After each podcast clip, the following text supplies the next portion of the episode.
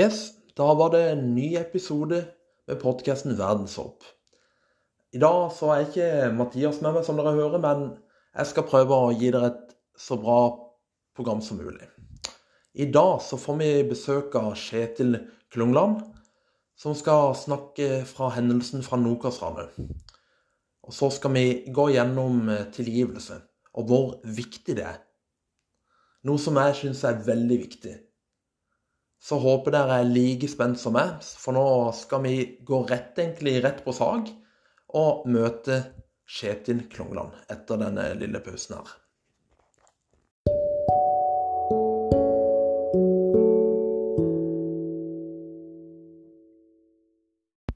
Yes, da var vi tilbake her med Kjetil. Velkommen, Kjetil. Takk for det. takk for det. Har du, har du lyst til å fortelle litt om deg sjøl? Ja. Jeg er, er nå 40 år. Mm. Kommer fra eh, Sandnes i Rogaland. Mm. Eh, oppvokst der og, og eh, eh, har det egentlig ganske fint der. Mm. Eh, har nå på Sørlandet Her har jeg eh, mor mi en ferieleilighet som gjør at eh, jeg er ofte her nede og syns det er veldig fredfullt her. Så bra. Så, og den gangen når jeg Når uh, denne hendelsen som vi da skal berøre, mm. skjedde, så jobbet jeg i ambulansetjenesten. Ja. Um, sånn Mhm. at um, det er òg bakgrunnen min med at jeg jobba i ambulansetjenesten, og at jeg jobba i begravelsesbyrå Mm. og psykiatrien og det, det, det farga nok litt av eh, tankene, hvordan jeg tenkte, hvordan jeg oppfatta ting og sånt Mm. den gangen. Det kommer vi sikkert tilbake igjen til. Du, det gjør vi. Mm. For i 2004, Kjetil, Mm. i april, Ja. så skjedde det at ranere Mm. gikk inn i en bank og rana Var det 50 millioner? Er 57 millioner. 57 millioner. Det er helt vanvittig. Eh, vi kan ta først et lite tilbakeblikk. Men da tenker jeg fra din historie, da. Mm. Eh, når begynte det for deg eh, rundt i den tida? Mm. Det var jo da eh, 5. april, eh, Mm. mandag i påskeuka 5. april i 2004. Mm. Så eh, jeg var på dagvakt i ambulansetjenesten. Da jobba jeg et år ute på Bryne. En ca. 30 minutter forbi Stavanger sentrum. Mm. Og eh, var på jobb og hadde et ganske sånn rolig og fredelig oppdrag. Vi skulle frakte en pasient fra Mm. akuttmottaket. Eh, nei, fra eh, Bryne og inn til akuttmottaket. Mm. Eh, Det var en helt vanlig morgen, dette her. Stille og rolig. Kjører innover, og så får vi beskjed fra AMK, som er vår eh, kommunikasjonssentral, Mm. at vi må kjøre akutt inn til sykehuset, for de trenger flere ressurser. Mm. Og det er sånt som skjer fra tid til annen, så det var ikke noe sånn noe reagerte på det. Nei. Så kjører vi innover, og så ser jeg på vei innover når vi kjører E39 at det er en eh, politipatrulje som Mm. har tatt oppstilling eh, på noe som heter Diagonalen. Mm. Eh, og jeg tenker at det er et eller annet eh, som skjer som gjør at, at de trenger flere ambulanseressurser. Mm. Komme inn i akuttmottaket, leverer pasienten, og jeg kaller opp AMK uten å få svar. Og meg og kollegaen min vi, vi går opp i AMK, som ligger rett på sida av det. og Mm. Åpner døra, ser inn, ser at det er noe som skjer. For det er mange telefoner, det er ekstra folk inne. Eh, og eh, kollegaen min i eh, AMK snur seg mot meg, og så ser eh, meg, eh, men bare fortsetter å jobbe. Mm. Jeg forventer jo da å få et nytt oppdrag. Vi skal ut på nye adresser, på Mm. nye oppdrag. Men, men det er ikke det som skjer til å begynne med. Mm. Så vi får bare beskjed om å gå inn på et rom på sida av. Mm. Og det var litt sånn eh, eh, Litt merkelig, for jeg forventa ut på et nytt oppdrag. Men vi Mm. gjør som han sier, og kikker ut av vinduet og, Mm. og ser noe som brenner oppi eh, Oppi eh, Ut forbi Stavanger sentrum. Mm. Eh, og eh, jeg visste jo ikke da at det var de bilene som ranerne hadde brukt og satt i brann, at det var de som brant. Mm. Jeg tenkte det var en husbrann eller noe sånt, og lurer på hvorfor ikke vi skal ut der. Mm. Videre så um, kommer sjefen min for ambulansetjenesten inn i rommet, og så sier han at uh, han har lest på, på nettet at Mm. det er et ran som pågår nede i Stavanger sentrum, at det har løsna skudd. Min første tanke da, det var at jeg Nå håper jeg pappa er på jobb. Fordi Mm. at jeg kunne se han for meg, eh, han, eh, hvordan han eh, organiserte Mm. og, og prata. Og når pappa var på jobb, så hadde han en rolle som i dag heter innsatsleder. Mm. Eh, som gjør at du skal organisere alle de operative styrkene. Ja. Eh, vi sitter der og venter videre, og, og eh, jeg lurer på hvorfor jeg ikke vi blir sendt ut på nye oppdrag. Mm. Så kommer to av lederne mine i AMK inn i rommet og setter seg ned på siden av meg, og så sier de at vi tror det kan ha skjedd noe forferdelig med far din. Mm.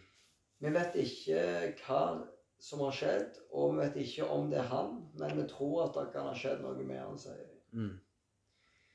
Så går det bare noen minutter, og så kommer de inn igjen på ny, og så sier de at eh, nå er det bekrefta, det er far din, og han er skutt.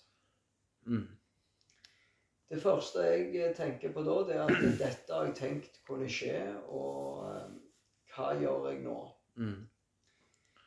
Eh, så jeg fikk liksom veldig mange tanker opp i hodet av, av den planen som jeg hadde lagt på måte på forhånd, hvis det som ikke skal skje, skjer. Mm. Det er litt sånn, når jeg begynte å jobbe i ambulansetjenesten, så begynte jeg å reflektere på en, på en litt annen måte.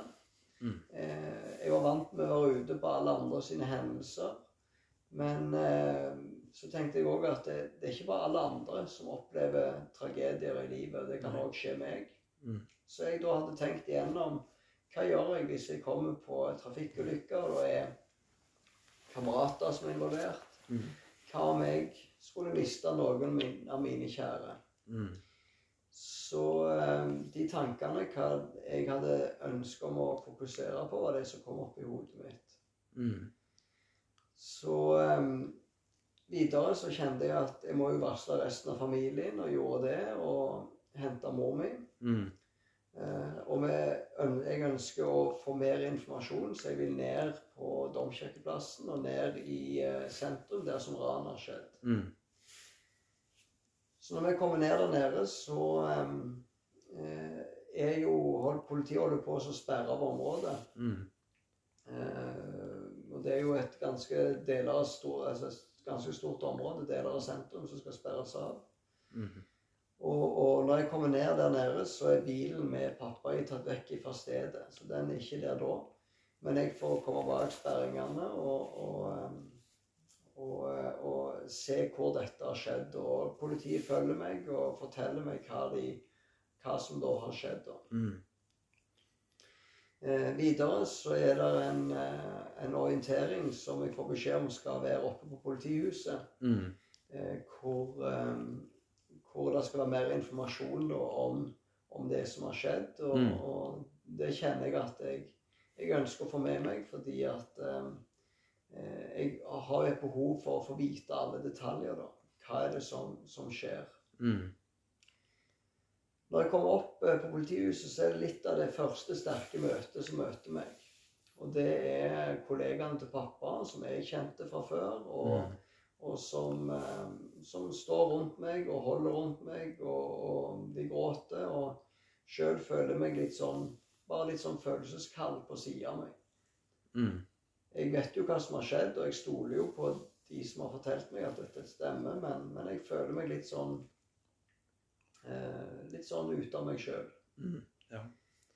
Eh, videre så eh, går denne orienteringen i gang. Politiet Mm. forteller om eh, hva som har skjedd i aksjonen. Og, og det som det som videre Jeg får en, en, på en måte en litt sånn en tanker og opplevelse at jeg er nødt til å se pappa. Mm. Eh, og det kommer bare sterkere og sterkere til meg hele veien når vi sitter der. Så jeg gir beskjed til, til noen ledere i politiet Mm. når vi er ferdig med orienteringen, at jeg, jeg trenger å få se pappa. Dette er viktig for meg. Ja. Der og da tror jeg de ble tatt litt på senga, fordi de em, jeg, tror ikke de hadde forventa det spørsmålet da. Nei. Og noen anbefalte meg å ikke gjøre det, men, men for meg så hadde jeg tenkt på dette på forhånd, at det var viktig for meg. Mm. Så eh, der og da så, så kunne de ikke gi meg noe klarsignal for det, men da hadde jeg iallfall gitt beskjed. Mm. Eh, Jeg dropper ambulansen, som er, eh, har minnestund med, med mine Mm. egne kollegaer. Vi samles og har det ganske fint der. og Når vi er ferdige der, så ringer jeg på ny igjen ned og, og sier at eh, jeg ønsker å få se pappa. Mm. Og da får jeg lov til det. Eh, bilen pappa med, si, bilen med pappa i eh, står inne i et garasjeanlegg på politihuset, og, og det er krimteknikere som jobber med sporsikring. Der. Mm. Når jeg kommer ned der, så tenker jeg at for inntil nå så, så hadde jeg ikke fått ut følelsene. Jeg hadde kjent at jeg var lei meg for Mm. det som hadde skjedd, men jeg klarte ikke å begynne å gråte og noe sånt. Nei. Men jeg tenkte kanskje når jeg ser pappa, at det går mer opp for meg. Mm. Når jeg fikk eh, beskjed om at jeg eller jeg fikk beskjed om at jeg ikke kunne ta på pappa, men jeg kunne se på han inn gjennom vinduet i bilen. Mm. Og um, når jeg kommer bak, eh, bak sperringene der i garasjeanlegget, så går jeg noen ganger fram og tilbake bak, eh, på baksida av bilen. Mm. Før jeg går fram til vinduet, og, og eh, det er en vindu nedrulla som gjør at jeg kan se rett inn på. Mm. Eh, Det bildet som møter meg der av pappa når han sitter død i bilen, det er et bilde jeg i dag kan lukke øynene mine og jeg kan se det for meg. Mm. Men det er et veldig godt bilde, fordi at jeg visste at skal jeg se pappa der han er mest lik seg sjøl, Mm. så, så haster det litt. Eh, Sånn at eh, jeg fikk en ganske sånn fin, eh, fin stund der, og, og, og fikk en verdig stund. Og, Mm. hvor jeg kan bare stå og kikke innover og, og ta innom meg inntrykket. Mm. Og, og eh, det opplevdes veldig verdig og, og fint å få, Mm. få muligheten til å bare stå og se på han i, i den tida jeg hadde behov for. Mm. Når jeg var ferdig der, da, så uh, reiser jeg hjem, forteller til mor mi hva jeg har eh, gjort og sett, mm. og anbefaler hun å gjøre det samme.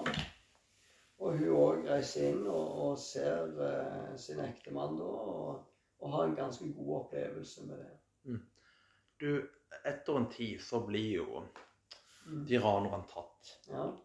Og når vi kommer inn på tilgivelse, så må jeg rett og slett spørre deg. Mm. Sånn, når det gjelder familien din og, og Mm. venner og sånn, Mm. greier de å tilgi det som har skjedd, eller har de noen andre følelser når det gjelder akkurat dette her? Mm. I forhold til tilgivelse så står vi ganske likt i familien. Eh, Mm. Så klart Venner kan òg være eh, annerledes, men, Mm. men internt i familien så står vi ganske likt på at Ja. tilgivelsen er det rette. Ja. Det, Mm. det gjør vi. Eh, når, til å begynne med så, så var det liksom å finne ut av hva tilgivelse betyr for meg. For jeg, Mm. jeg kunne ikke i starten si at jeg hadde tilgitt. Nei. Og det var, litt en, det var en prosess fordi at eh, når jeg var liten Hvis jeg kan ta et eksempel. da, når jeg var Mm. liten, så var tilgivelse ganske sånn enkelt. Mm. Jeg gjorde noe vondt mot foreldrene og søster og kjente jeg angra. Og så ba jeg om tilgivelse, og så ble jeg liksom, sa mamma eller pappa at eh, nå er det glemt, og nå er det, Mm. nå er det greit. Jeg hadde jo ikke behov for å si at dette som hadde skjedd, var greit. Og jeg hadde Mm. heller ikke behov for å glemme. Eh, men jeg kjente på at jeg tilgir for å sikre min egen livskvalitet. Mm. Det, det er min egen livskvalitet jeg sikrer med å tilgi. Mm. Men, men hvordan, hvordan jeg, jeg, jeg eh, funderte en del på hvordan jeg kan vite at jeg hadde tilgitt. Mm. Fordi at var dette bare en, en euforisk opplevelse Mm. som, som var der og da? Eh, jeg tenkte kan når tida går litt, ting Mm. legger seg litt mer, kan jeg da eh, fortsatt kjenne at jeg har tilgitt? Mm. Jeg kjente på at jeg var ikke sint. Nei. Eh, og, men, men var det da en tilgivelse? Mm. Eh, men eh, når tilgivelsen ble klarere for meg Mm. Fordi at jeg tror tilgivelsen kan bety forskjellig fra person til person. Mm. For noen så betyr tilgivelse at det som skaden har skjedd, må gjenopprettes. Mm. Eh, her var ikke det mulig fordi pappa var død. Mm. For andre betyr tilgivelsen at den som eh, har gjort noe har gjort en ugjerning, Mm. må be om tilgivelse. Mm. Var det ingen av de ranerne som hadde bedt meg om tilgivelse. Nei. Mens for andre betyr tilgivelse at en tilgir uavhengig av den andre. Og det var det jeg kjente på. Mm. Men så var det liksom dette med Hvordan kan jeg vite at jeg hadde tilgitt? Mm. Eh, jeg møtte jo flere av ranerne Mm. underveis i rettssaken. Ja. Eh, og når jeg da møtte Schumann, som var den som eh, drepte min far Mm. Og jeg kunne eh, ta han i hånda, jeg kunne sitte og prate med han i et par timer Mm. og hilse på han. Si takk for at du vil møte meg, Mm. Uten at jeg kjente at jeg ønska noe vondt. Mm. Så ble det liksom veldig klart for meg at det må jo være en del av en tilgivelse, tenkte jeg. Ja. Så at for meg så Når jeg nå møtte de forskjellige ranerne, Mm. så sa jeg ikke til dem at jeg hadde tilgitt dem. Nei. Og det var fordi at jeg fremdeles var i en prosess til å forstå hva tilgivelse betyr for Mm. meg. Men jeg formidla at jeg ønska det ikke noe vondt. Jeg ønska at de skulle forstå konsekvensen Mm. av deres gjerninger. Mm. Fordi at jeg, jeg syns ikke synd på dem. Nei. For de må stå til rette for de eh, gjerningene de har gjort. Og Mm. det er vi som familie som må betale den største konsekvensen. Mm. Men jeg har bare kjent på det at med å tilgi, så er det min egen livskvalitet jeg sikrer. Jeg som slipper å gå rundt og bære på nag og bære på og, og la sinnet få gå over til hevn. Mm. Men så tenker jeg, er det bare så enkelt at en kan velge det? Eh, For meg så opplever jeg det nesten litt sånn for enkelt, fordi at jeg var aldri sint. Nei. Eh, Og det var heller ikke familien. Så jeg har, jeg har ganske sånn stor respekt for de som står oppe i situasjoner som de har det ganske vanskelig å tilgi. Det har jeg ganske stor respekt for. Men for meg så handler det om et fokus. Mm. Hva er det jeg skal fokusere på videre framover? Er det hevn og hat? Mm. Eller er det tilgivelse? Hva vil det gjøre med livet mitt dersom jeg fokuserer på hevn kontra tilgivelse? Så jeg valgte på en måte å klamre meg litt til å fokusere på tilgivelse og nestekjærligheten. Og Mm. for meg så har det virka veldig bra, òg for familien. Ja. Sånn at eh, eh, Jeg tror at det handler òg om, om litt om fokus. Mm. Eh, men noe av det som jeg henger det mest på, den kroken jeg henger mest på i forhold til tilgivelse, så er det det at eh, jeg som en kristen mann Mm. eh, tror at Gud var der for meg og familien. Mm. Fordi at jeg, jeg har vurdert, eller fundert lenge på hvorfor jeg ikke var sint når dette skjedde. For det er en helt naturlig ting å, å, å tenke på, eller å kjenne på, når en urettferdighet skjer mot oss sjøl. Og det har jeg kjent på i andre tilsettinger i livet. Men, men eh, når det kom til dette, så var jeg ikke sint. Nei. Og det eneste forklaringen jeg kan finne på det, det er at jeg tror at Gud var, var med meg og familien til å se utover det, det meningsløse. Mm. Du var jo òg eh, hos eh, han raneren Schumann. Ja. Åssen, liksom, når du, når du møtte han da Mm. Hvordan har han egentlig det i dag, på en måte? Siden ranere kan jo egentlig, og drapsmenn kan jo være veldig kalde og Mm.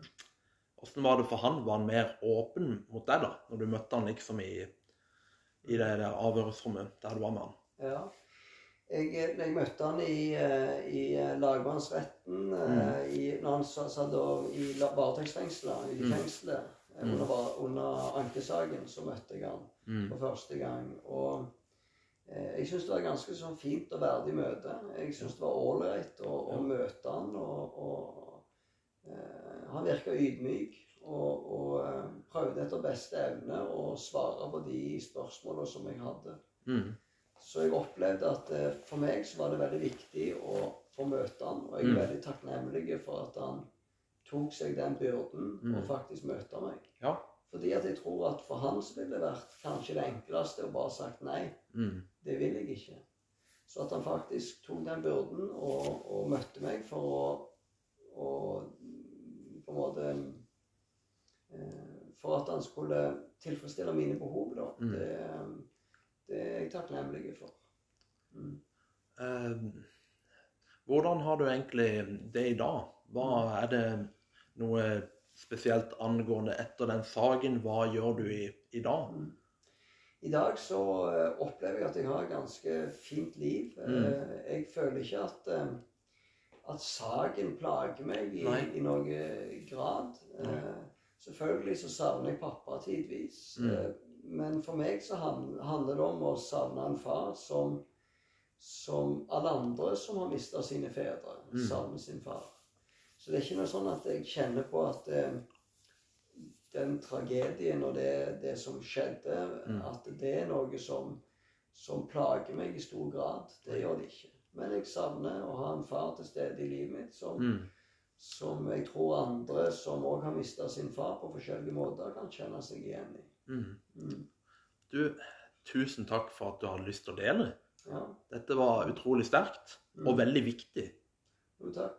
Det, det var det. Helt til slutt så pleier jeg alltid å spørre liksom Ja. om de har noe bibelvers eller et eller annet du har lyst til å dele hvis du kommer på et, Ja. eh, et bibelvers i tampen. Jeg kommer ikke på noen bibelvers, men jeg pleier å Når jeg er rundt og snakker litt, så, så pleier jeg å avslutte med, med noen eh, kloke ord som, Mm. eh, som jeg ikke har kommet på sjøl, men, men, eh, men som jeg syns er veldig kloke, som går på dette med bitterhet. Mm. Og det at bitterhet, det er den giften du sjøl velger å Mm. som du håper rammer den andre. Altså bitterhet er den giften du sjøl velger å svelge, som du håper rammer den andre. Mm. Og en ting til som kommer fra Desmond Tutu Mm. om tilgivelse, det er at eh, tilgivelse kan ikke gjøre noe med fortida. Men tilgivelse kan gjøre noe med framtida. Mm. Og de ordene der er noe som jeg tidvis minner meg litt på og reflekterer litt rundt. Og, Mm. Og har blitt noen eh, viktige brikker i, i mitt liv. Mm. Mm. Du, tusen takk for at du ville komme. Ingen problem. Sånn. Veldig kjekt å, å få delta på den. du, ja, det var veldig bra. Mm. Supert. Takk skal du ha. Takk.